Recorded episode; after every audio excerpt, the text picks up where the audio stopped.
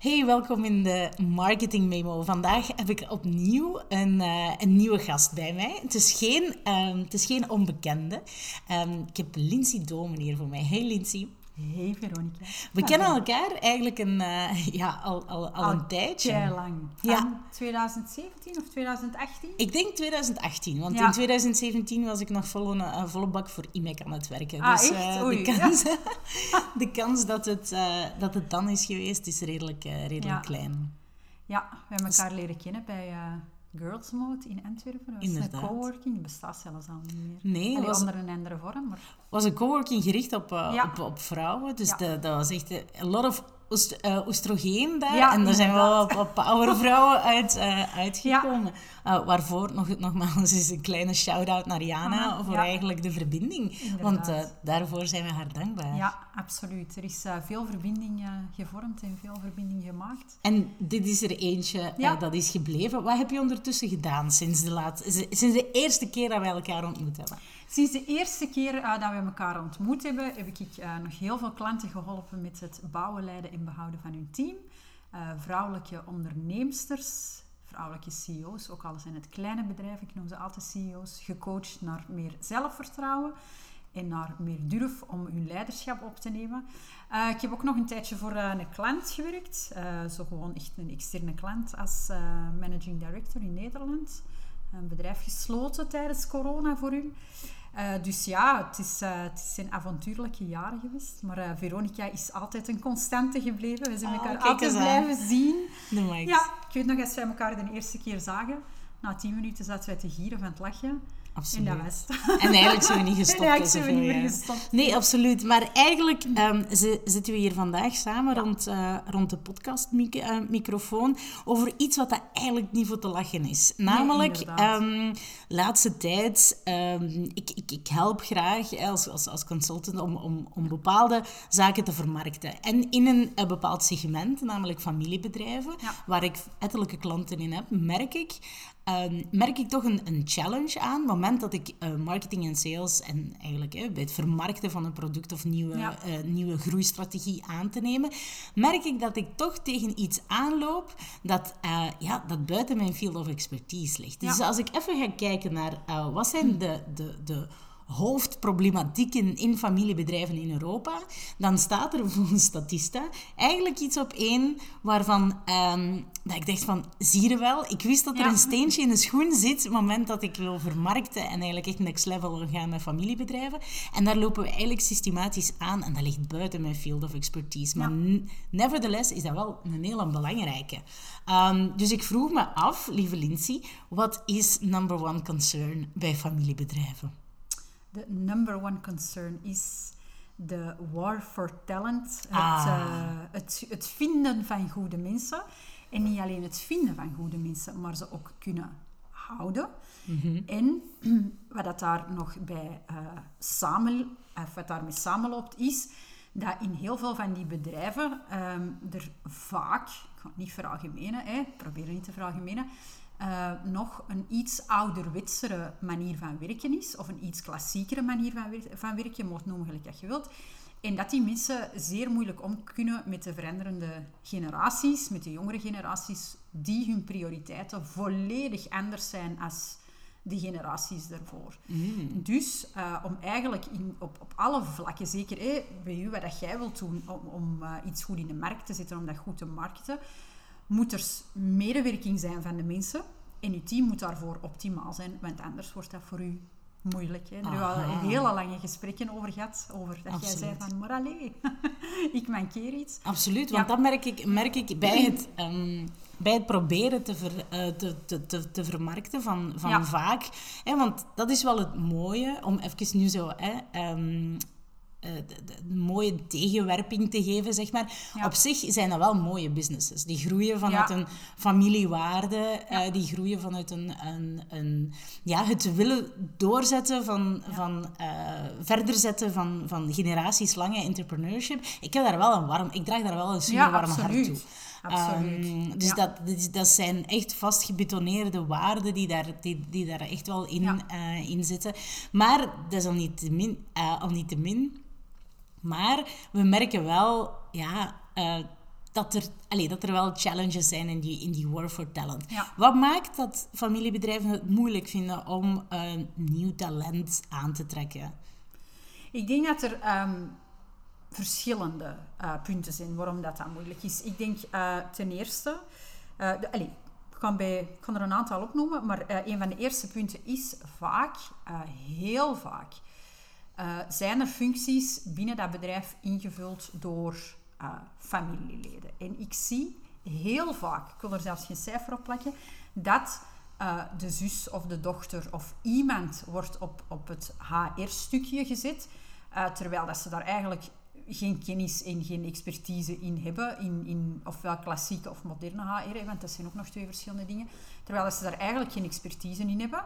Dus eigenlijk um, weten ze niet goed wat ze moeten doen om de juiste mensen aan te trekken en hoe dat ze de juiste mensen aanspreken.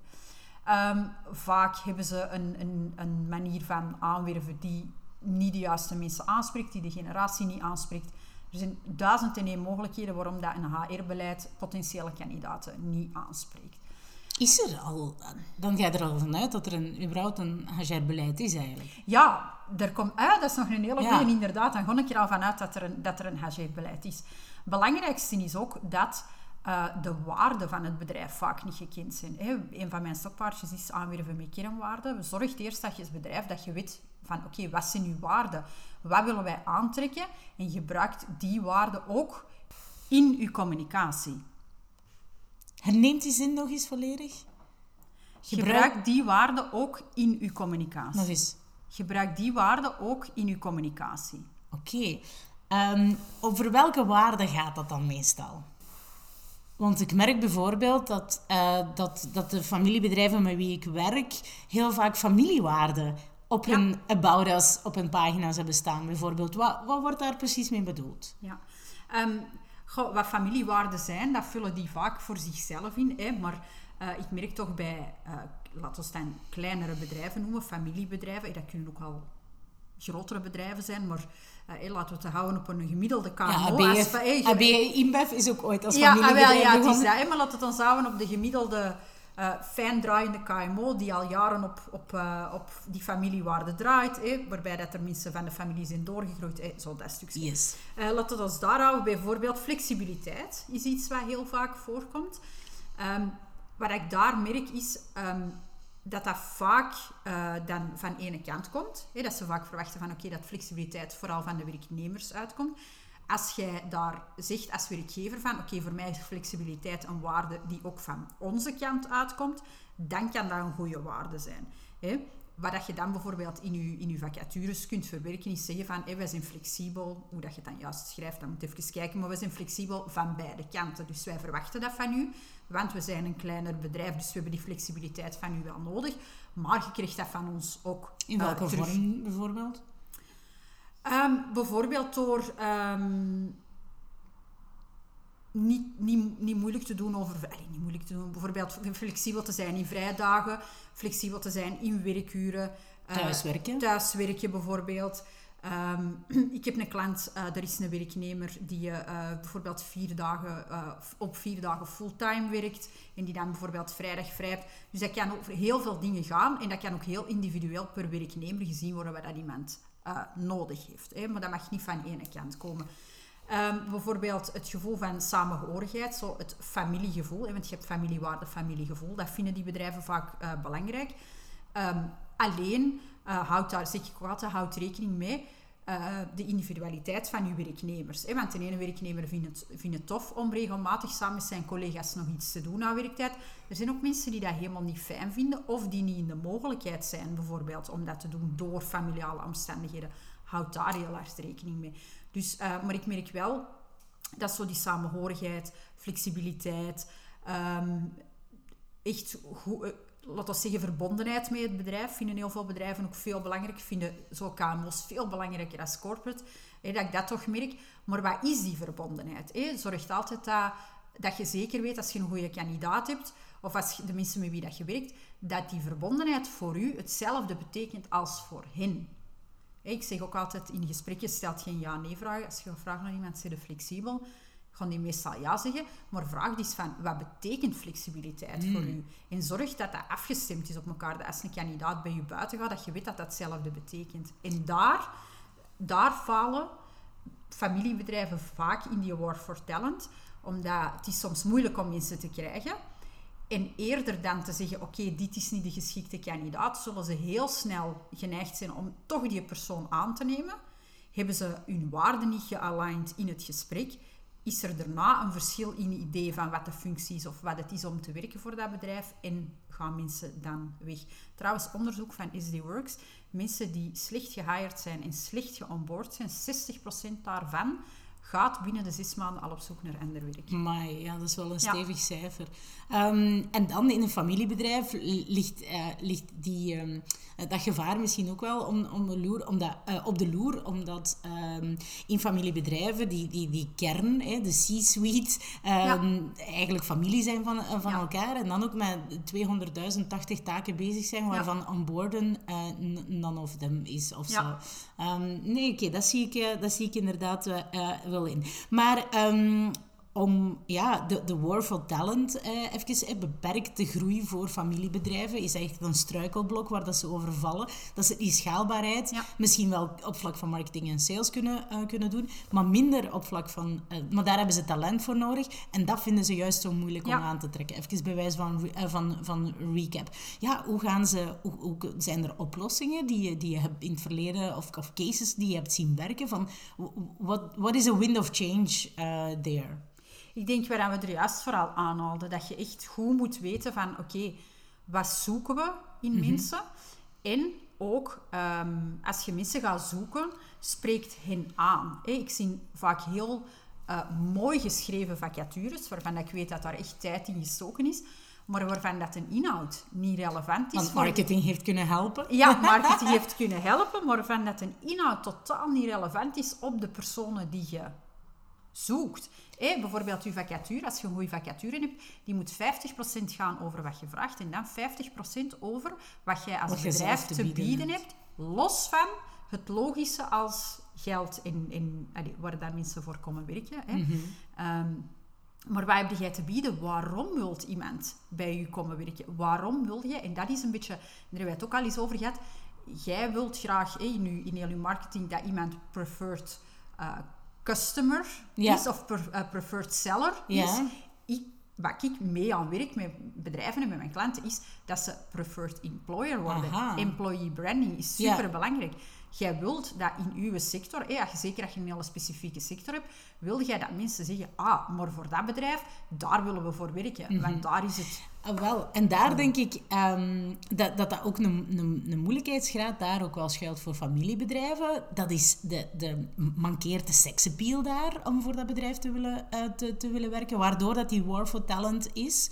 Uh, die, die war for talent er is, of ik denk dat daar juist een heel grote kans is voor familiebedrijven, omdat die dat veel meer kunnen inrichten zoals dat ze willen. Want als je bijvoorbeeld een grote corporate Aha. structure, hè, dat is heel hard ja, ik heb jaren in corporate gewerkt en er, er valt maar weinig naar links of naar rechts te bewijzen. Hmm. Het, is, het is rechtdoor en vooral niet achteruit. Mhm. En ik denk, zo'n familiebedrijf, die kunnen dat nog 100% inrichten zoals dat ze zelf willen. En als die mhm. daar heel kritisch gaan kijken naar van, oké, maar wat hebben wij nu nodig en wat hebben wij nodig om juist die mensen aan te trekken? Mhm.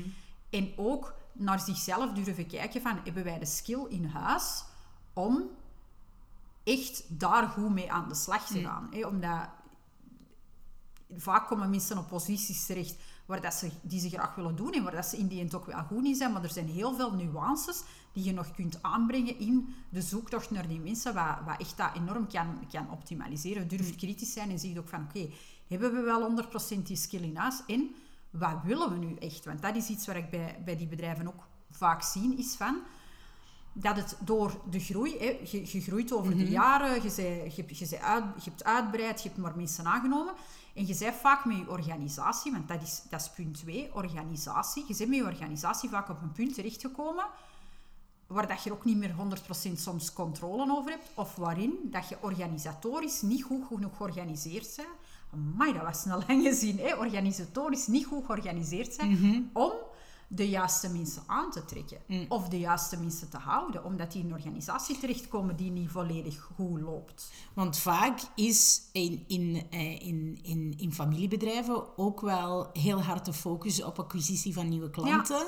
Ehm, en, en heel hard op dat business. Dacht, allee, waardoor dat het minder trendy is. Misschien om, om ook wel tijd en ruimte vrij te maken om, om het organiseren, het aspect van het organiseren aan te pakken. Ja. Merk je dat ook? eh? Ja, absoluut. absoluut. En het tijd, budget, ehm, de goesting, eh, zoals dat wij zeggen, o- om daaraan te beginnen. Want dat is, een, dat is vaak een groot project. Hè. Dat is bij wijze van spreken je bedrijf eenmaal onder de loep nemen en zeggen van oké, maar zijn wij wel optimaal georganiseerd om de juiste mensen aan te trekken? Zijn wij wel optimaal georganiseerd om te werken met de mensen die we nu hebben? Dus je moet daar durven eh, naar kijken. Iets wat ik bij die bedrijven soms ook zie, is ehm, dat ze ehm, moeten durven kijken naar de familiedynamiek. Hè, dat dat vaak ook meespeelt in... Je merkt dat daar soms...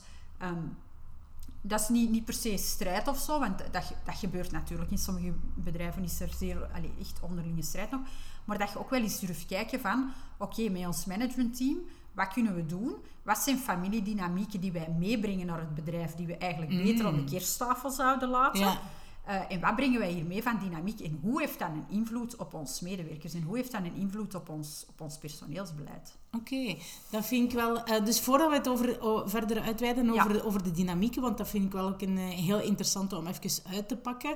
Ehm even nummer één probleem: war for, eh, for talent. Ja. Waar merk ik dan? Oké, ga naar uw waarden gaan kijken.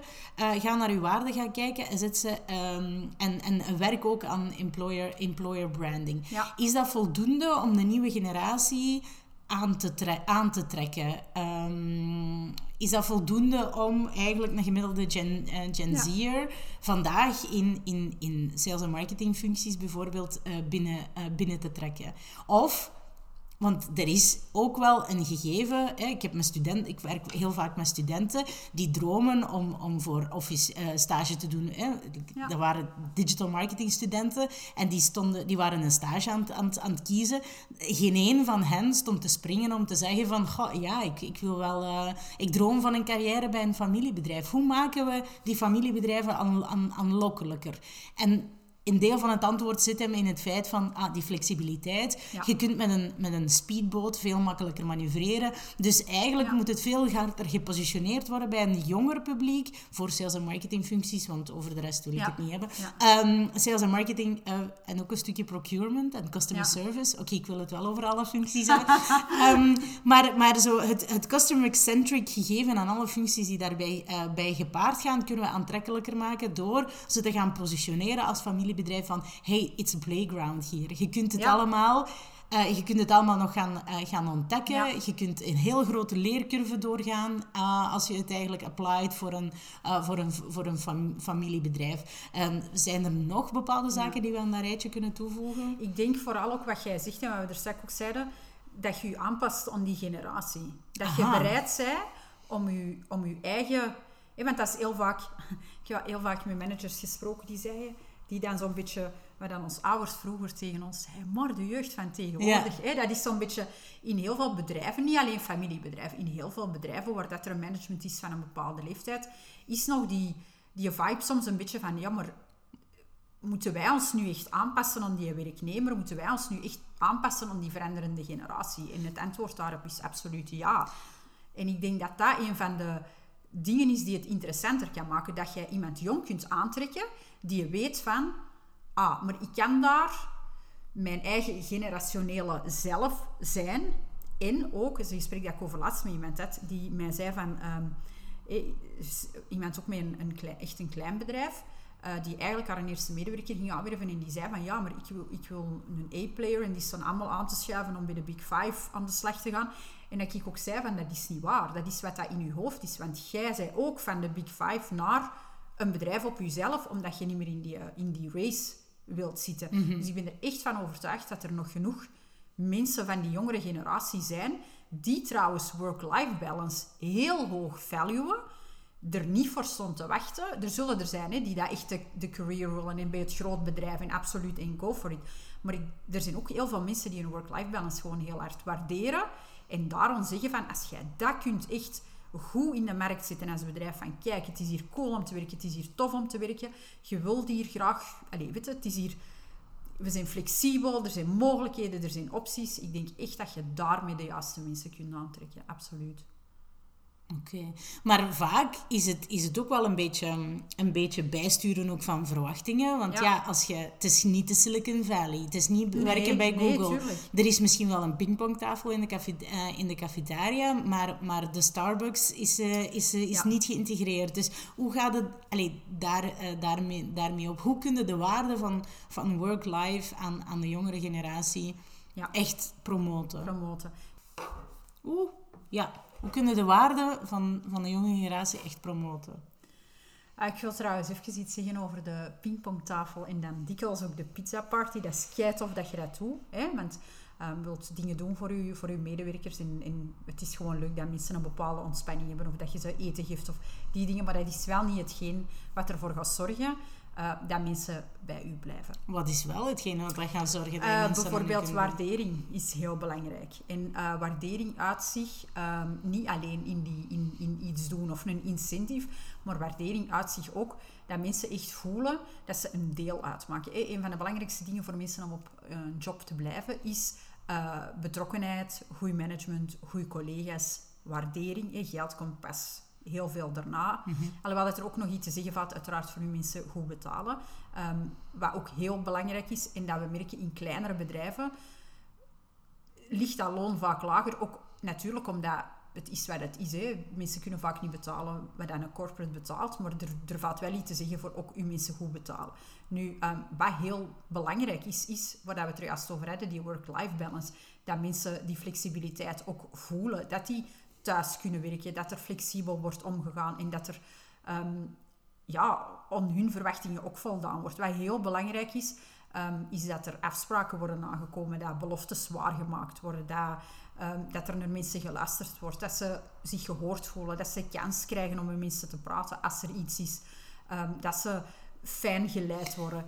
Ja, en als er, uh, stel, al die, al die dingen zijn er in place, maar dat ondervind je pas, uh, ondervind je pas als je er effectief werkt, dat je dat ja. proef op de som kunt nemen. Wat zijn goede manieren om dat allemaal naar buiten te brengen en, en dat allemaal, uh, allemaal te laten zien? Ja, um, wat, ik, wat je bijvoorbeeld kunt doen, wat ik heel leuk vind om te doen, is... Um, ik heb dat voor een klant uh, van mij ook gedaan. Een van zijn medewerkers, dus eigenlijk de, de sollicitatievideo laten opnemen. Of de vacaturevideo. Dus ik bijvoorbeeld een video waarin iemand zegt van... Hé, hey, ik werk hier en het is hier fijn. Reference, hè. Mm Weet jij ook, als je een klant ja, krijgt, een, een testimonials... Hè, zoekt testimonials van binnen, van binnen uw bedrijf.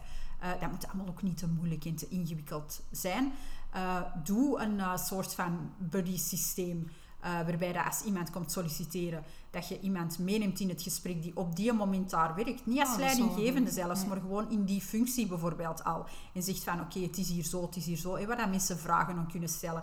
En natuurlijk je moet dat ook een beetje opbouwen. Als je nu als uh, werkgever niet zo'n supergoeie reputatie hebt, of het loopt gewoon moeilijker, mm ja, dan moet je dat terug opbouwen. Dat is een beetje gelijk als jij als verkoper bij je klanten of bij de, in de markt niet zo'n goede reputatie hebt, mhm. dan moet je terug opbouwen.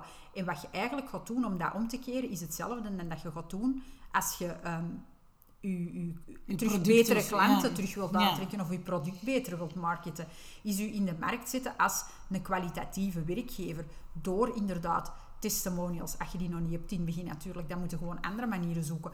Maar goede vacaturen inzetten, goede gesprekken doen, goede opvolging doen. Okay? Want ik hoor heel, heel vaak uh, mensen die zeggen, ja, ik ben met tien bedrijven gaan solliciteren en ik heb maar van één feedback gekregen. Mooi, ja. Ja, dat is een beetje hetzelfde gelijk ja, dat jij een offerte stuurt naar een klant en daar geen opvolging over doet. En dat die klant denkt van, ja, maar ik wou kopen, maar je volgt mij niet meer op. En dat is hetgeen waar heel veel bedrijven, wat heel veel bedrijven mis zien doen. Het is een werknemersmarkt.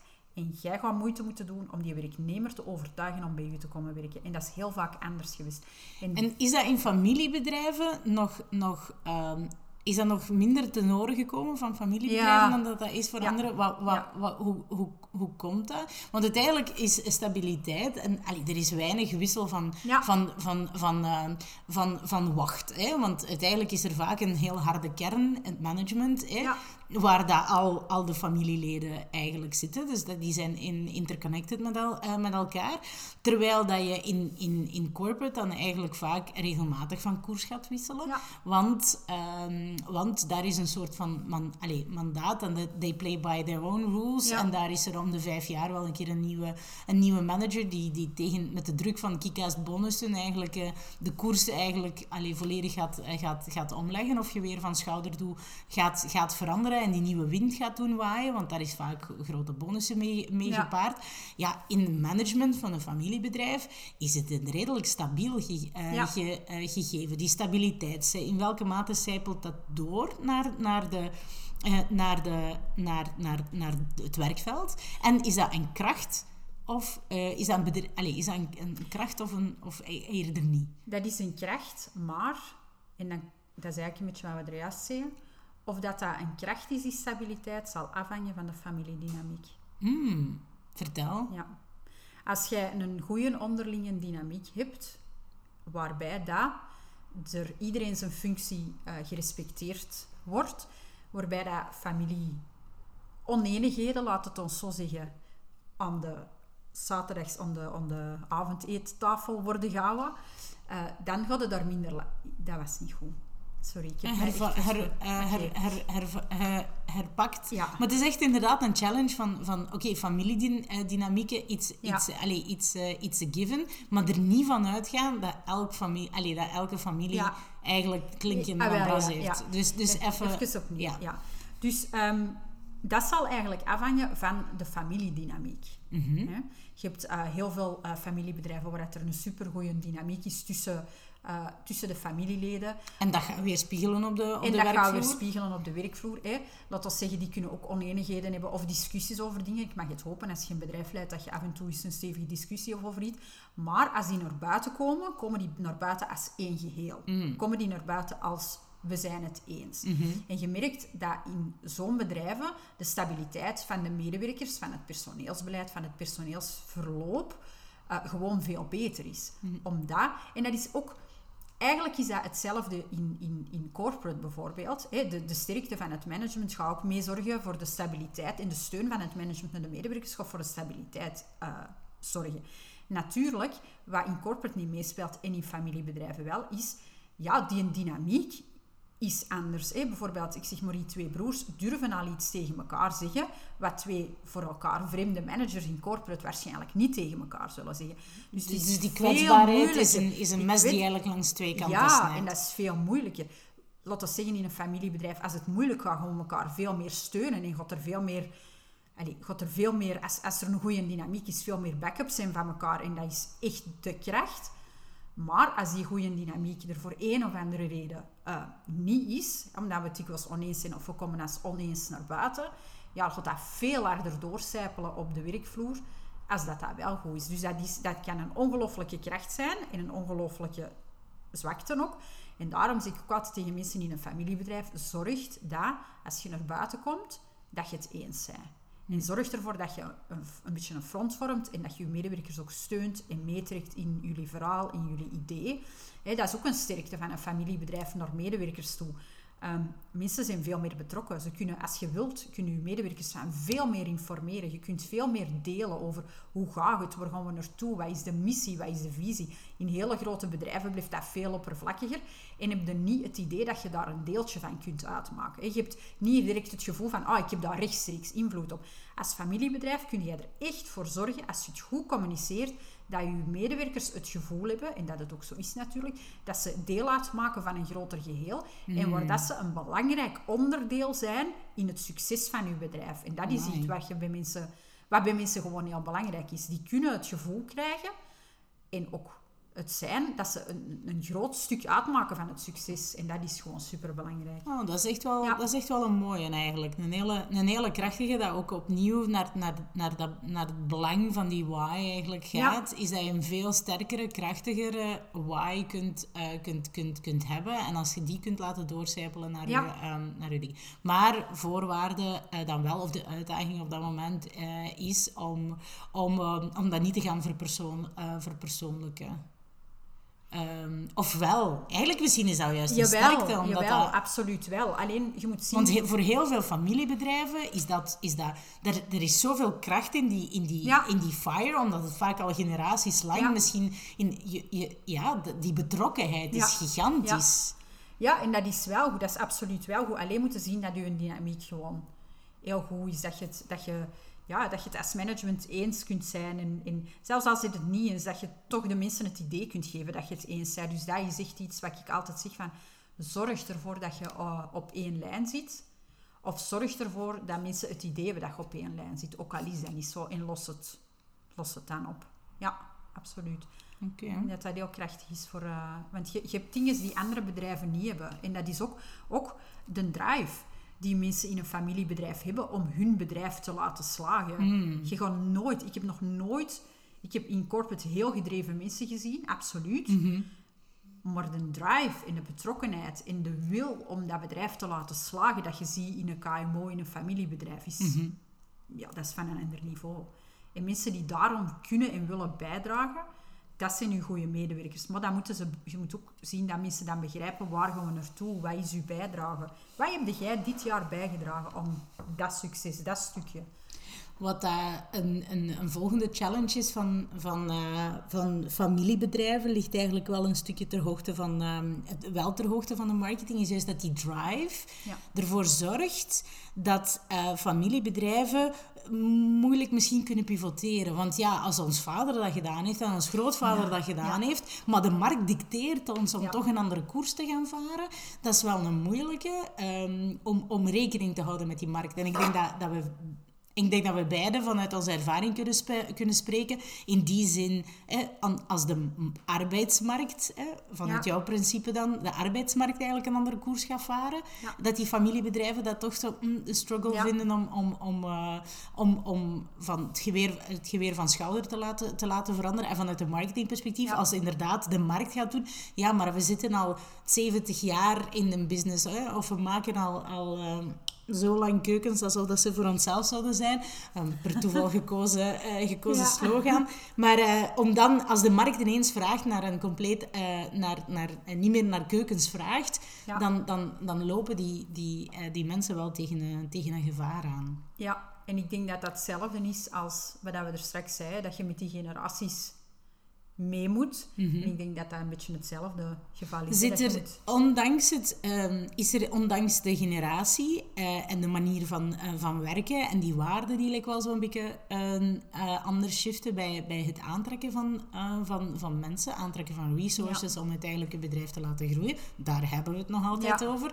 Ehm, is er nog iets grondig eh, veranderd op die arbeidsmarkt, waar dat die familiebedrijven uit moeten plukken, dat we ook nog eens moeten vermelden, dat dat, dat toch een, een, een trend is waar de familiebedrijven moeilijker op kunnen, kunnen inspelen? Ik denk veranderende functies. Ah, Veranderende functies. hè. Ja. Er zijn nu, ehm, mensen hebben nu bepaalde kennis, bepaalde studies voor dingen waar daar die familiebedrijven nog niet noodzakelijk gebruik van maken. Bijvoorbeeld? Een social media manager. Ja.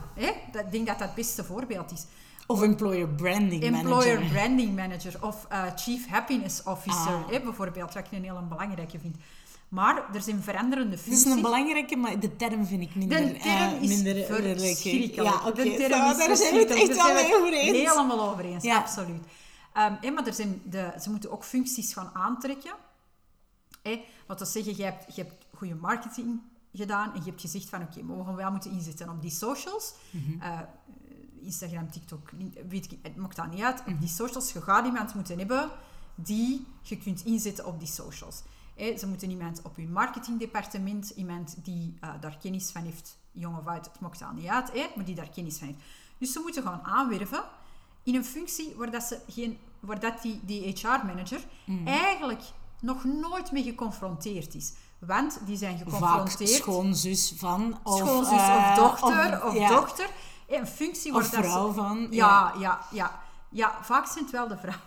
Ja, Inderdaad, eigenlijk wel. hè. Ja, ik heb, ben allemaal weinig... Ik Ja. ken een paar mannelijke HR-managers, maar niet veel.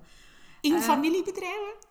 Mm, Nee, ik ken persoonlijk in, een fa- in familiebedrijven geen mannelijke... Dus moest ik iemand vergeten, laat het mij weten. Die Mocht er een eh, HR-manager, of degene die verantwoordelijk is voor het personeelsbedrijf, Ja. eh, beleid binnen een familiebedrijf, graag aanmelden, Ja, alsjeblieft. inderdaad. We willen die heel graag die ondersteboven. Ja, inderdaad. eh, halen om, eh, om daar... Om ehm, eh, het over eens, eens over ja. te hebben hoe dat, dat komt.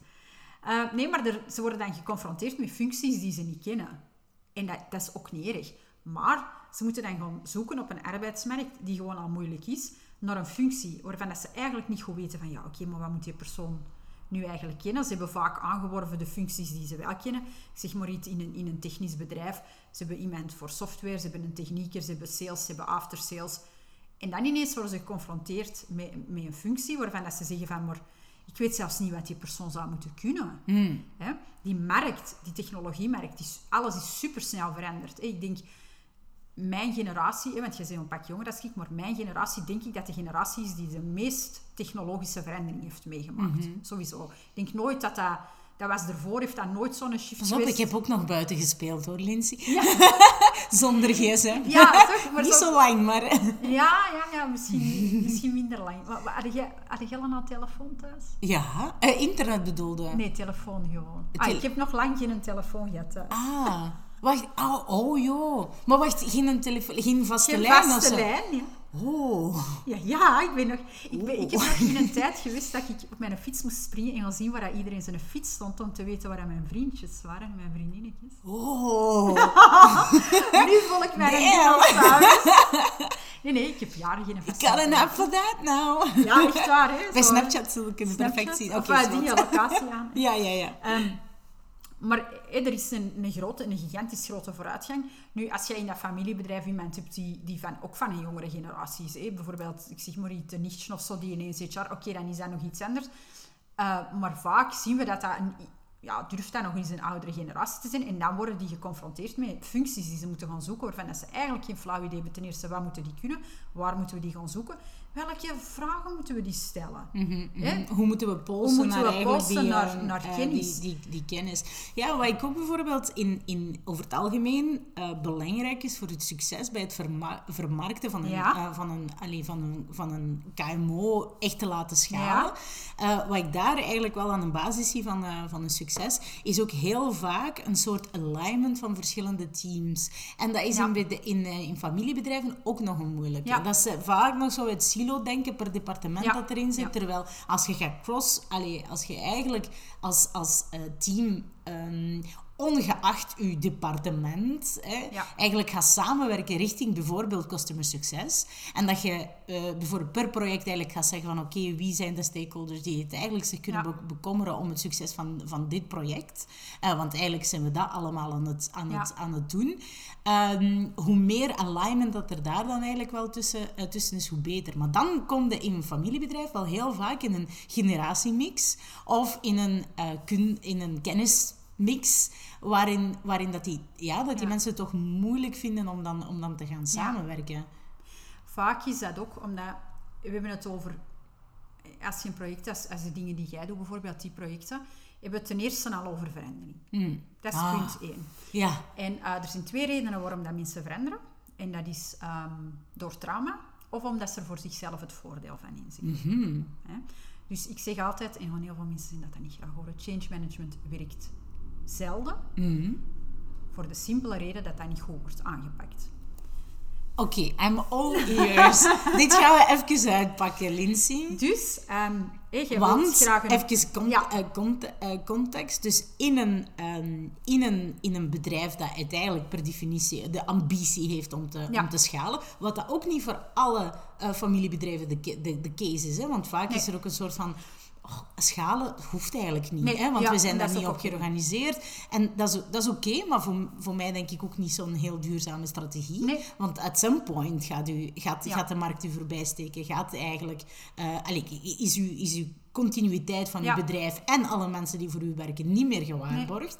Dus at some point kun je niet gewoon wenten zeggen van, weet je, in, in het status quo blijven is wat we gaan doen. Dus at some point, willen of niet, gaat die verandering moeten eh, komen. Ja. Om een of andere golf te pakken die je echt wel Ja. moet doen, want anders verzuipt het. Dus, Ja, en die verandering die jij wilt als bedrijf, is een verandering die goed is voor u als bedrijf.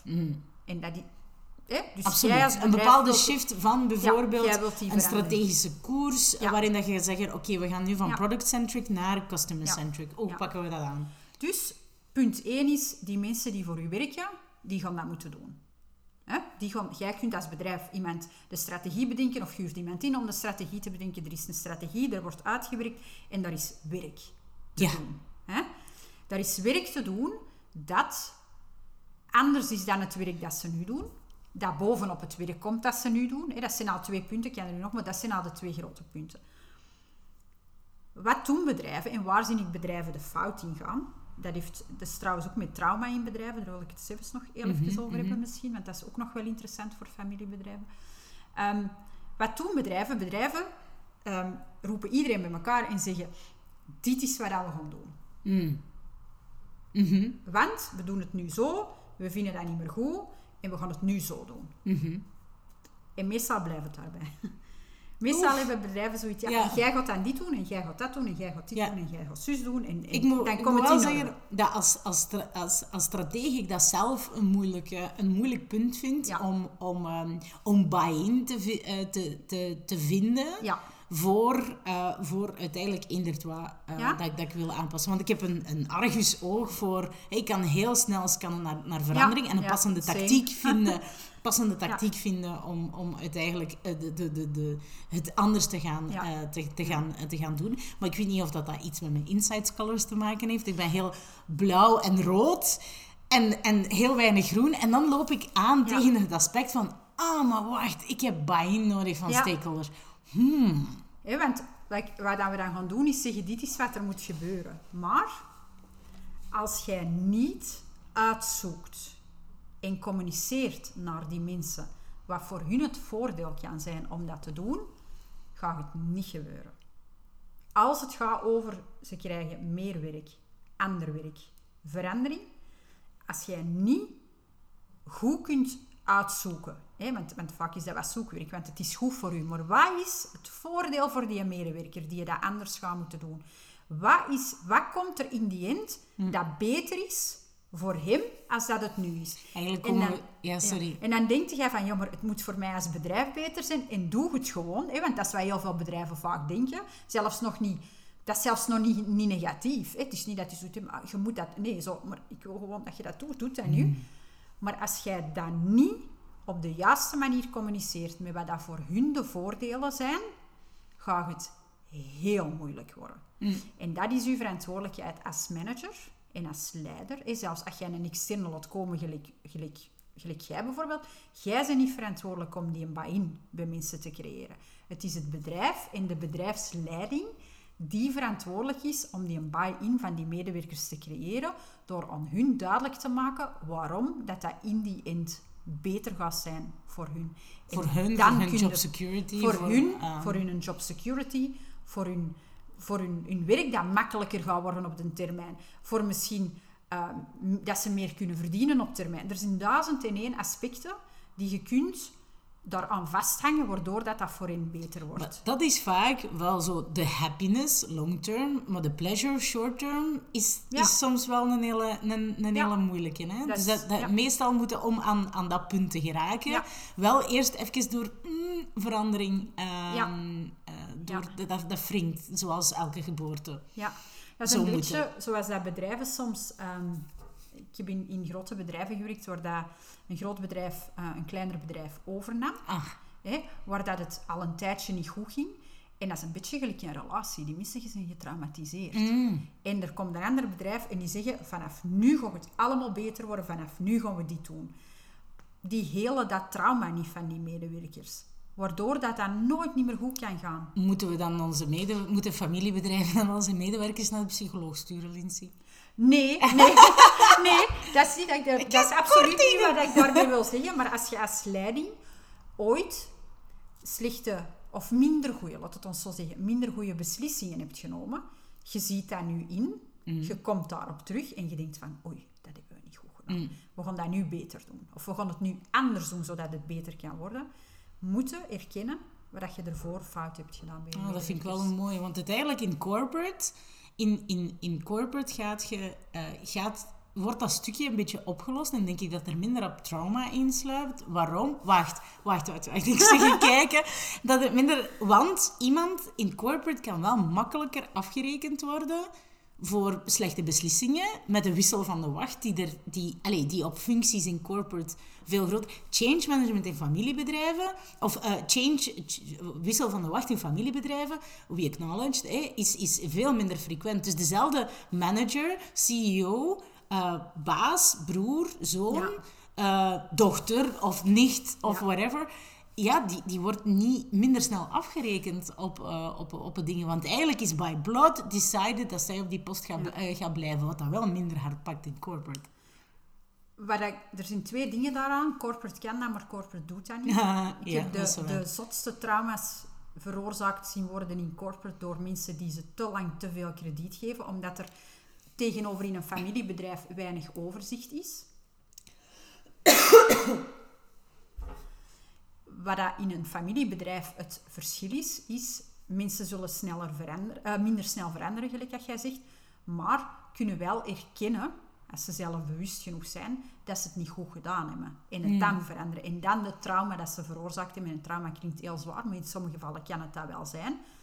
Uh, kan dat erkennen en zeggen van oké, we gaan dat nu beter doen, maar we hebben dit niet goed gedaan en we erkennen dat, dat we dat niet goed gedaan hebben. En laat ik er juist zei, in corporate laten ze het vaak veel te lang aanslepen. En ook in, in corporate is er vaak minder toezicht. Dat klinkt heel raar, mm. maar managers komen daar vaak heel lang weg met de zotste dingen, mm. voordat er iemand zoiets heeft van, oh, maar wacht, misschien moeten we daar eens naar kijken. Ook weer een reden om wel voor een, uh, voor, voor een familiebedrijf, voor een familiebedrijf te gaan, te gaan absoluut. Ja. Maar um, waar dat het stuk, um, uh, los van, van de trauma, denk ik ook dat je, um, dat je wel een bedrijfscultuur kunt, kunt gaan creëren waarin dat je de resilience, de weerbaarheid, ja want dat is uiteindelijk, trauma wordt geheeld door weerbaarheid te kweken. Dus eigenlijk u, u, uzelf en uw medewerkers te leren omgaan met falen, met dingen die niet goed lopen, um, met verandering. En als je jezelf eigenlijk hele is eigenlijk jezelf trainen om, om, om, om weerbaarder te worden door... Want er gaan altijd externe factoren zijn die op je, op je, op je afkomen om daar eigenlijk leren. Oké, dat vind ik wel een, een, een, een goede tip. Zijn er concrete tools waarmee dat je kunt helen? Zeg maar. Um... Ik denk dat dat voor iedereen verschillend is. Dat is een beetje het... het um... Wat kan je als bedrijfsleider van een familiebedrijf dan doen? Vragen aan mensen wat ze nodig hebben. Ah, ook een goede vraag. Ja, wat heb je Bij nodig? alles eigenlijk. Dat is een hele goede vraag. Ook in, in, uh, ik zeg ook altijd eh, regelmatig gesprekken met je medewerkers. Ik, ik, ben echt geen fan van het woord evaluatiegesprek. Ja. een vreselijk woord. Um, doe meer aan opvolging of, of communicatiegesprekken of eender hoe dat je het wilt noemen. Wat heb je nodig, gesprekken? Wat heb je nodig? En mijn eerste vraag vroeger naar mijn medewerkers was altijd... Wat heb ik gedaan dat, dat u geïrriteerd heeft? Hmm. Wat heb ik gedaan waarvan dat je zei van... Oh, dat vond ik tof, dat mocht je meer doen. Hmm. Wat heb ik gedaan... Uh, of wat heb ik niet gedaan dat je wel nodig had? Hmm. Of wat heb je nog nodig van mij? En op een moment, als we het dan toch hebben over iets dat niet helemaal goed is gegaan, als je als leider zegt van oké, goed, ik heb dat niet goed gedaan. Wat je dan gaat zeggen tegen je medewerker is, kijk, ik heb dat, ik heb dat gedaan. Ik herken dat dat niet ideaal was, of mhm. dat dat niet goed was. Um, wat heb jij nu nodig om voor ons om verder te geraken. Hmm. Daarmee leg je ook een deel van de verantwoordelijkheid ook bij de medewerker, wat dat ook wel een hele, een hele sterke is eigenlijk. Dat maakt je wel die, die heel waardig in dat, in dat gegeven, omdat, ja, je, omdat die ook wel de introspectie moet, moet kunnen doen om, om uiteindelijk samen tot een oplossing te komen. Ja, en wat je daar gaat creëren, want wat je merkt, zeker als je nieuwe medewerkers hebt, of als je begint met dat te doen, bij medewerkers die je al wat langer hebt, dan, dan kijken die je zo aan van, wat vraag je? Hè? Ehm, zelfs al is het antwoord in het begin niks, hè, dat, dat krijg je vaak. Ja, nee, er is niks wat je kunt doen. Of nee, het was goed. Wat je creëert is in het hoofd van je medewerkers dat jij openstaat voor feedback. Hmm. Dus op het moment dat jij iets doet waar dat die niet blij mee zijn, gaan die sneller, zonder dat je het zelf doorheet was, hè, want we zijn allemaal mensen en we maken allemaal fouten, maar op het moment dat jij iets doet waarvan dat die denken van, wat doet hij nu, of wat zegt hij nu, mhm. dat die makkelijker naar u zullen durven komen en zeggen van, je hebt, dat daar, je hebt er straks dat gezegd of je hebt dat gedaan en eigenlijk vond ik dat niet leuk, mm. voor die of die reden. Maar door die vraag te blijven stellen van, wat kan ik doen, wat heb je nodig, wat kan ik doen, wat heb je nodig, ga je, ga je echt een sfeer creëren waarin dat mensen openstaan om naar u te komen en te zeggen van, kijk, daar was ik niet blij mee. En niet alleen naar u, maar ook wel naar elkaar. Absoluut. En, en absoluut. dat hebben we wel weer nodig, want, want de, de, de feedbackcultuur hebben we weer nodig om projecten, eh, allee, om projecten tot een goed einde te Ja. brengen. Moet er ruimte kunnen zijn om tegen elkaar te zeggen wat, dat je, allee, wat dat je nodig hebt, maar ook tegen elkaar feedback te kunnen, Ja. eh, te kunnen geven zonder, ehm, zonder dat dat eigenlijk het project of de groei of, of de plannen die er zijn, al dan niet marketingplannen, eh, er allee, zijn en nodig zijn om uiteindelijk de groei te gaan bestendigen. Wat ik ook eh, daarin altijd eh, probeer te hanteren, ik heb dat geleerd van de geweldige Elko de Boer, maar ik weet niet of dat, dat zijn ding is, het Safe Soul Principle. En dat is eigenlijk een beetje het principe dat als uw medewerkers bij u komen en ze hebben onderling een probleem, Ja. dat eigenlijk de eerste vraag is van, heb je dat al met je persoon zelf besproken? Ja. Dat moet uw eerste vraag zijn. Ehm, of je kunt wat meer uitleg vragen over wat er juist gaande is. Tenzij dat het over iets ernstig gaat, als bijvoorbeeld pesten of... Ja, ja, allee, ja. hè, Of, maar gewoon eh, als het gewoon... Ja, belaging of belaging weet ik veel wat. Maar als het gaat gewoon over een probleem dat ze hebben, is mijn eerste vraag, heb je het zelf besproken? Ik kan dan ook altijd zeggen van, oké, bespreek het eerst zelf en volg dat dan ook op. Mhm. Je moet mensen echt motiveren om dat te doen. Waar je daar wel mee moet uitkijken, dat is altijd een side note dat ik erbij zeg, omdat ik vind dat een heel goed systeem. Je hebt ook soms mensen die zo super introvert zijn dat ze dat nooit gaan doen en dat met het probleem gaan blijven zitten. Dus je moet ook even kijken van, is die persoon, heeft dat al heel veel moeite gekost om tot bij mij te komen? Dus daar moeten we wel een beetje het onderscheid in maken. Maar ik probeer ook altijd mensen, zeker in een omgeving met volwassenen, probeer het eerst zelf. En ik zal wel met de derde optie komen als je er echt niet uitkomt. Maar je bent ook niet altijd verantwoordelijk om de issue, alle issues tussen je medewerkers op te lossen. Ja. Oké, vind ik wel mooi, want uiteindelijk zijn we begonnen bij, eh, bij, ja, die ehm, bij, bij increased competition. Hè? Ja. Dus eh, het, het feit van, oké, de markt eh, verandert langs alle kanten. Hoe gaan we om met verandering? Hoe gaan we eigenlijk ook gesprekken onderling gaan aanpakken? Hoe gaan we, hoe gaan we verandering en, en een, ehm, eh, stimuleren Ja. ook? Hè? Want dat is, dat is ten alle tijde ook nodig om een bepaalde groei te gaan, te gaan bestendigen. En hoe maken we een sfeer, ehm, een, een sfeertje binnen dat familiebedrijf dat eigenlijk eh, verandering, eh, verandering gaat, eh, gaat aanmoedigen en veilig gaat, gaat, gaat Ja. maken. Zodat dat ook niet te disruptief is, want anders trauma, ladida, moeten we het afgelopen kwartier nog eens herbeluisteren. Ja, inderdaad. maar, ehm, maar om, om dan naar een volgende uitdaging te gaan bij familiebedrijven, want ik wou ook nog even parallel leggen, ook met, ehm, met wat dat... eh, dat, het, eh, dat verandering eigenlijk ook bestendigt en waarin dat je eigenlijk aan je medewerker vraagt wat heb je nodig. Ik ben ook de eerste om, om, om, dat, om dat ook regelmatig, niet alleen met je medewerkers, maar dat ja, ook ja, regelmatig inderdaad. met je klanten te Wij gaan vragen dat ook soms te aan gaan elkaar. Hè, van, wat heb je nu nodig? Inderdaad. Ehm, om, om dat ook regelmatig met je, met je klanten te gaan, te gaan doen. Ja. Ik ben er zeker van, ook als je dat effectief geïncorporeerd hebt eh, in je cultuur, hè, dat je dat ingebed hebt in je bedrijfscultuur, dat je dat ook op een gegeven moment ook met je klanten kan, eh, kan doen. Ja. En eh, die, die, eh, wat het, uiteindelijk is dat de jobs to be done ook voor een stuk eh, die daaraan gekoppeld zijn. Zo van, ja, wat, wat gaat het doen? En wilde een bepaald proces bijvoorbeeld Ja. veranderen? Is van, ja, wat is er nodig om dat, ehm, om dat te, te veranderen? Hoe doet het vandaag?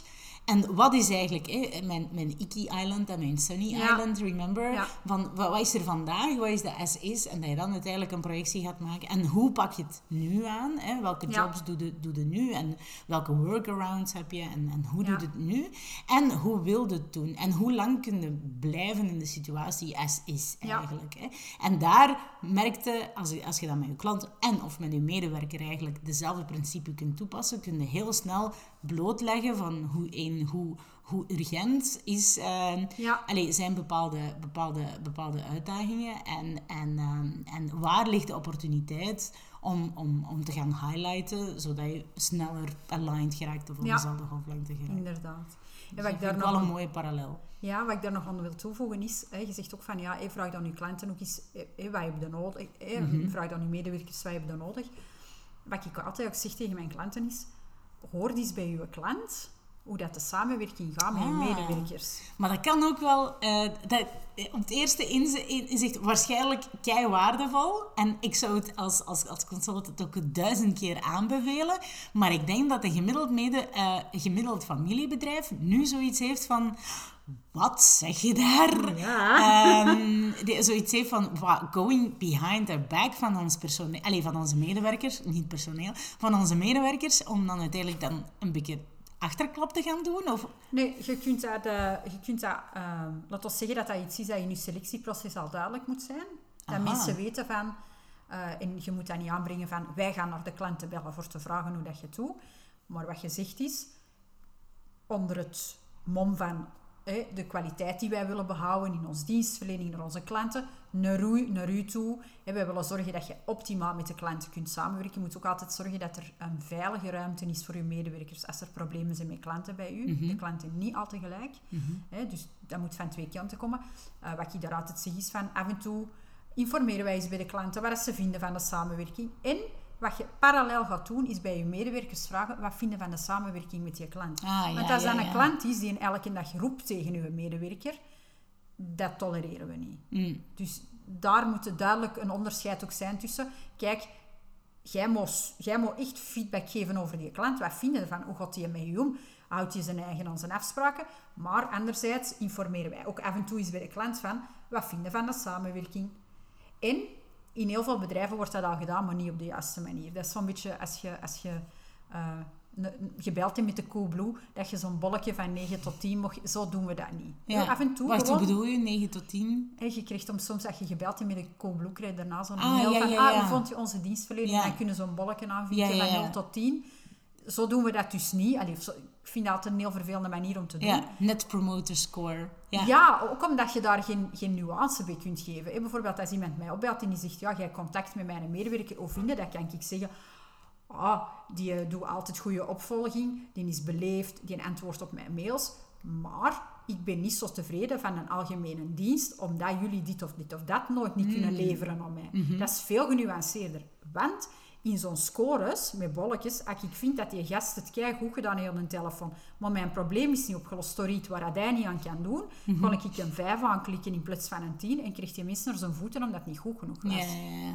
Dus, dus eigenlijk, ehm, en, en ik denk dat dat geldt voor alles wat dat, wat dat Net Promoter Score betreft, is dat het veel beter is om eigenlijk systematisch eigenlijk te gaan zeggen, oké, wat vinden wij als bedrijf eh, Ja. belangrijk dat je eigenlijk goed op scoort. Ja. Ehm, en dat je, dat je dan die zaken ook specifiek Ja. gaat, eh, gaat, gaat veranderen. Omdat die waarde matchable moet zijn. Want als ik bijvoorbeeld Next... ehm, en ik ben een, kosten, eh, allez, ik ben een bedrijf die, die, waar dat eh, excellentie van product bijvoorbeeld totaal, totaal niet voor belangrijk is, maar het contact met de... Of ik ben bijvoorbeeld een agency waarin dat, dat, dat het allemaal prima is, zolang dat, het, zolang dat we get along, zeg maar. Ja. Hè? En dat, de, dat, dat deadlines dan misschien, misschien Ja. eh, flexibel kunnen aangepakt worden. Terwijl dat, dat je dan een klant hebt die zoiets heeft van... Oké, nee, eh, ik ben daar super, eh, super OCD Ja. in. En, en dat moet... Ehm, allee, dat moet op die manier. Zo kunnen we wel veel harder naar dat waardepatroon gaan polsen. Inderdaad. En die waarden, en dan komen we weer terug op de waarden van het begin. Als jij goed weet wat dat je Ja. waarden zijn, kun je die in je selectie ook meenemen. Je de mensen moeten niet allemaal dezelfde mensen hebben. Want vaak zeggen mensen, ja, maar ik krijg dat niet allemaal dezelfde mensen. Nee, nog niet bekend. Maar je moet zorgen dat die in je selectie naar boven komen en dat je weet dat uw waarden voor de mensen die je aanwerft hetzelfde betekenen als voor u. En dat zij die waarden die jij belangrijk vindt naar uw klant ook echt kunnen uitdragen. En dan ga je Afhankelijk van ideale hun talent. Ja. Ja. Hoe kunnen zij met hun talent bijdragen tot de, tot de Ja. familiebedrijfwaarden Ja. eigenlijk? Oké. De laatste, ehm, want de, de laatste eh, uitdaging eh, of concern Mhm. van, een, eh, van, een, van een family business is, eh, volgens een bron van Statista, 2023, jawel, ehm, declining profita- profitability. Dus daar lopen ze eigenlijk tegenaan dat een profitability, dus eigenlijk een, ja, een winstmarge, denk ik dat ik daaruit lees, achteruit aan het gaan Ja. is. Dus dat het voor hen moeilijk is om tegen dezelfde winstmarges Ja. ehm, eigenlijk te gaan, te gaan eh, produ- produceren. Ja. Eh, gaan we deze, deze eens uitpakken vanuit onze twee verschillende perspec- eh, perspectieven? Ehm, ik denk dat vanuit een prof- decline profit... Ah, oké. Nee, maar dat is niet erg. Laat hem maar doen. Ja? Laat hem maar Ja? doen. Vind- nee, sorry, ik heb u onderbroken. Dat is oké. Eh, dat is niks, dat is niks. Dus eh, decline profitability. eh, we gaan dat eens uitpakken langs, eh, langs twee verschillende perspe- Ja. perspectieven. Decline profitability, waarom is dat een concern voor familiebedrijven? Ik denk dat dat... ehm, en vooral, hoe, hoe, gaan we dat, hoe gaan we dat aanpakken bij familiebedrijven? Ik denk dat die profitability eigenlijk ook wel neerkomt op ehm, vanuit sales en marketing. Hoe kan ik mijn bedrijfsprocessen Ja, eigenlijk gaan optimaliseren. optimaliseren om ehm, niet alleen vanuit sales of marketing, ik denk dat we daar heel snel met alle departementen eigenlijk Ja. aan toekomen, evengoed productie. Hoe gaan we ehm, eigenlijk ervoor zorgen ehm, dat, we, ja, dat die bedrijfsprocessen optimaal is? Ik hoorde onlangs in een podcast, shout-out naar de podcast My First Million, ken je die? Nee. Dat is echt een, nee. Ah, ja, een supergoeie podcast. Wel heel Amerikaans, maar het ging eigenlijk over... eh, er zijn superveel ehm coole agencies en bedrijven gevestigd in New York. Maar de bedrijfskost in New York voor heel veel zaken is gigantisch duur. Mhm. hè? Wilde je medewerkers in New York betalen, dan, dan kosten die veel meer dan in, Ja. in Arizona bijvoorbeeld. Ja. Dat is misschien iets wat, dat wij, eh, wat dat wij in ons klein eh Belgelandje misschien minder moeilijk ehm, gaan, gaan, gaan Mm. hebben. Dat Antwerpse medewerkers... Dat is misschien iets wat wij in ons Belgelandje eh, minder snel tegen, de, tegen aanlopen. Het is niet dat een, bedrijf, een medewerker uit Antwerpen eh, zoveel gigantisch duurder is Nee. dan, eh, dan een uit Boekapelle. Alhoewel... Alhoewel, Ja. jawel, er is wel verschil op. En ik denk dat we ehm, daarin, zonder daar negatief over te zijn over te dingen, ik denk dat we België in zijn algemeen ook wel mogen zien als een heel moeilijk iets voor werkgevers. Ja. Als je ziet dat wij nu als een index hebben gehad van bijna 11% dat is voor, voor KMO's in familiebedrijven, dat is een klap. Hè? dat, is, dat als je dat op als basis je- uitrekent, Allee, bedoel, om maar iets te zeggen, als je een loonkost hebt van 100.000 euro per maand, hè, wat nog niet heel veel is voor een gemiddelde KMO, dat daar 10.000, dat je 120.000 euro op een jaar bij krijgt. Voor, en terwijl, het er niks, Terwijl dat er ni- niks niks, verandert, niks verandert. En vaak misschien de vraag nu, ook met de, met de huidige uitdagingen die we gehad Ja. hebben, kort op, elka- op elkaar. Ja, is dat eh, veel, heel hè? veel tur- turbulentie in, in, in, in de markt, ook waarschijnlijk in vraag en aanbod. Waardoor ja, dat er ineens zo'n verandering ook... Allee, dat zijn harde klappen wel voor, eh, voor familiebedrijven, dat begrijp ik. Ik denk ook dat heel veel wat ik op dat vlak ook ehm zie bij familiebedrijven vaak is, ehm, doordat die historisch gegroeid zijn, en daarmee wil ik niet familiebedrijven aanmoedigen om de helft van hun personeelsbestand te verminderen, maar vaak zijn er heel veel functies op bepaalde departementen heel onefficiënt ingericht, omdat dat Ja. historisch gegroeid is. En ik denk dat daar heel veel voor te zeggen valt. Ik ben ook al bij bedrijven geweest waar ik dan een paar dagen rondloop. Hè, want dat is meestal wat ik doe. Gewoon eens gewoon analyseren. Waarbij ik denk van, maar die functie of die functie of die functie of die functie... Allee, dat, dat kan allemaal efficiënter en beter in elkaar passen. En niet dat mensen daar, daarom per se weg moeten. Maar dat je wel meer omzet kunt maken met de mensen die je hebt. Gewoon door die job veel efficiënter te maken. Maar dan komen we weer terug bij dat van Andreas.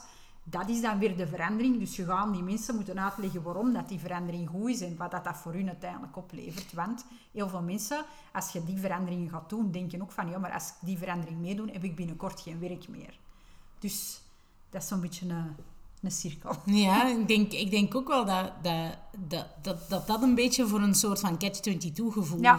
gaat, gaat zorgen. Hè? Waarbij dat je eigenlijk kan zeggen, oké, we gaan eigenlijk die efficiëntie-gain niet gaan doorvoeren of die verandering niet gaan Ja. doorvoeren, want eigenlijk hebben we daar geen buy-in, want dat, dat Ja. brengt eigenlijk de, de dingen in jeopardy bij eerder een, een oudere generatie, wat maakt dat dat eigenlijk een nieuwe generatie minder snel ook geneigd gaat zijn om met die onefficiënties misschien om te Ja. gaan, waardoor dat je zo van, ja, op de duur, dat is zoiets van, Ja. eh, het lijkt mij dan wel een, een heel grote domino-verhaal. Hoe zorgen we dat dan nog behapbaar blijft, die Ja. problematiek? Wat ik ook denk, en dat is nog iets wat ik eigenlijk daar nog aan toe wil voegen, is de, de angst van familiebedrijven om te ontslaan. Mm. Merk je daar een... een, een... Absoluut. Ik, ik, ik denk dat ehm, familiebedrijven zijn vaak heel loyaal aan elkaar, maar ook aan de medewerkers die ze al lang hebben. En eh jij weet dat, we kennen elkaar al langer. Ik ben er 100% voor dat mensen zich optimaal voelen bij hun werkgever, in een bedrijf. Dat mensen gelukkig zijn. Want dat zorgt ervoor dat je eigenlijk ja, gewoon het meeste rendement gaat hebben van je medewerkers en dat je weinig verloop, heel lage kosten. Maar het gevolg daarvan is, is dat heel veel uh, bedrijven mensen niet durven ontslaan. Dat ze mensen in functies laten hangen, omdat ze ja, niet mee willen met die verandering. En dan zullen we iets hebben, de Marcel die er al 20 jaar zit, we laten die dat maar zitten, we laten die doen. Maar dat is een, iemand die 20 jaar bijvoorbeeld, ik geef dat maar als voorbeeld, op een bedrijf is dat een gigantische kost. Eigenlijk brengt die niet meer echt iets op. En mijn eerste dingen daar is dan van, oké, hoe kunnen we die mensen ervan overtuigen dat iets anders doen heel nuttig zou zijn voor hem in het bedrijf. Want je eerste dingen is om te zorgen dat je die mensen actief kunt houden, dat je die bij je kunt houden. Die heeft waarde, die heeft kennis, die heeft... Allee, dat, dat is een bron van kennis dat, dat normaal... Allee, dat je niet wilt verliezen. Maar soms, in die end, zie ik dat bedrijven daar dan aan blijven vasthouden, terwijl het gewoon voor beide kanten eigenlijk niet meer werkt. En dat is ook iets, dat is iets typisch aan KMO's en familiebedrijven, dat die zo'n beetje een... Allee, ook omdat het natuurlijk in België heel veel geld kost, moet er ook niet som over doen, maar dat ze een panische angst hebben om die mensen dan te ontslaan of te verliezen, terwijl dat, dat in heel veel gevallen in uw rendement echt wel een heel groot verschil zou kunnen maken. Ik um, wil afsluiten, hè, want we hebben de drie benoemd van de, van de challenges voor familiebedrijven. Ik denk dat er, uh, allee, dat er nog meerdere zijn, maar het wordt dus take us too far om het allemaal tegelijkertijd uit te, uh, uit te pakken. Want ik vind het ook wel even. I need some processing uh, om, om deze drie al te doen. Kunnen we nog bemoedigende woorden en kansen, kansen voor, voor familiebedrijven even, even opzommen om op een positieve noot te eindigen? Um maakt gebruik van de samenhorigheid die je hebt als familie. Ja, dat, dat is ook wel benadrukken. Dat is een voordeel dat niemand anders heeft. Geen enkel managementteam in een ander bedrijf heeft dat. Maakt gebruik van de goede dynamiek die je als familie kunt hebben, de samenhorigheid, de steun die je elkaar kunt geven, maakt daar absoluut gebruik van. Wat dat ook wel weer voor, voor, voor extra stabiliteit kan, ja. uh, kan, kan zorgen. De beloftes die je kunt, kunt, kunt maken, omdat het thrived op, die, op die familiewaarden, zijn eigenlijk juist heel waardevol, heel, heel uh, authentiek ook en heel... Um, ja, hoe, hoe, hoe, hoe, zeg je dat? Ja, zo wholehearted of zo. Ik kan even niet een ander woord uh, bedenken hier, uh, hiervoor. En een beetje, krijg er een warm en fuzzy feeling van. En zorg er ook voor dat je als managementteam dat gevoel dat je met elkaar hebt ook gunt aan je medewerkers. Dat je dat ergens kunt overbrengen. Die samenhorigheid, dat gevoel, dat... dat um, en die onvoorwaardelijkheid. Die onvoorwaardelijkheid. Ik zeg ook altijd, uw werk is uw werk. Hè. En ik, ik, ben ook altijd van de dingen, willen, elkaar, zorgen dat je medewerkers zich zo goed mogelijk voelen. Maar het is ook een, tijd, een ruil van tijd voor geld. En beide mhm. zijn evenveel waard.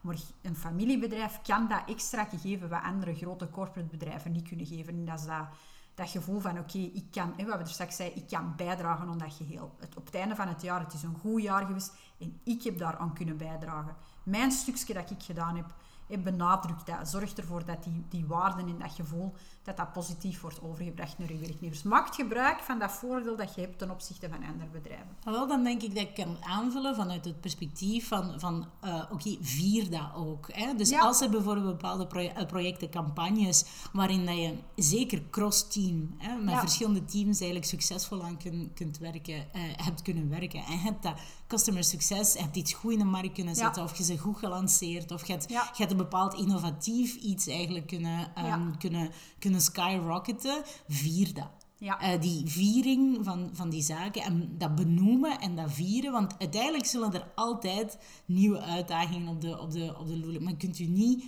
uh, blind staren op de volgende en de volgende en de volgende hurdle om te lopen. Dan zit je eigenlijk... Een, het is een, it's gonna be a marathon. En af en toe moeten we wel bij elke milestone dat echt goed vieren. En samen. En um, viert ook en die ehm, vieringen zijn ook zoveel meaningfuller dan, dan op, op, op, op corporates. Daarom. Ja, en viert dat ook op een manier dat waardevol is voor al uw medewerkers. Ja.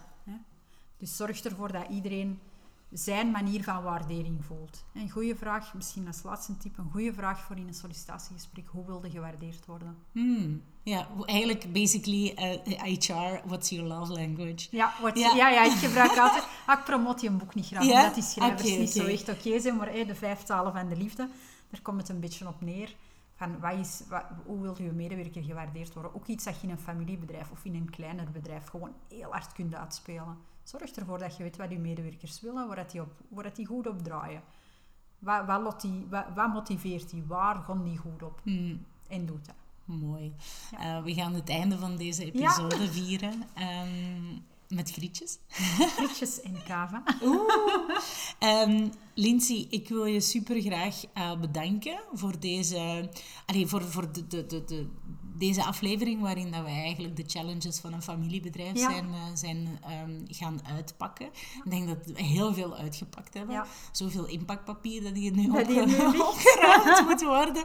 Uh, nevertheless, ik denk dat, um, dat uh, familiebedrijf of niet, dat er eigenlijk heel veel waarde zit in ja. deze aflevering voor, voor iedereen die enigszins met organisatiemanagement bezig is. Ja. Dankjewel dat ik hier mocht zijn vandaag. Yes, dat is gezellig. Het is altijd gezellig als wij samen podcasts Sowieso.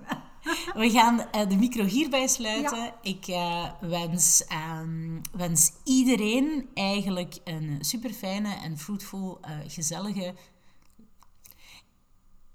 Lindsay, hoe kunnen de mensen jou eigenlijk nog terugvinden? Ah, mensen kunnen mij terugvinden op uh, Instagram vooral. En dat is op Lindsay Domen underscore. Daar kunnen mij vinden.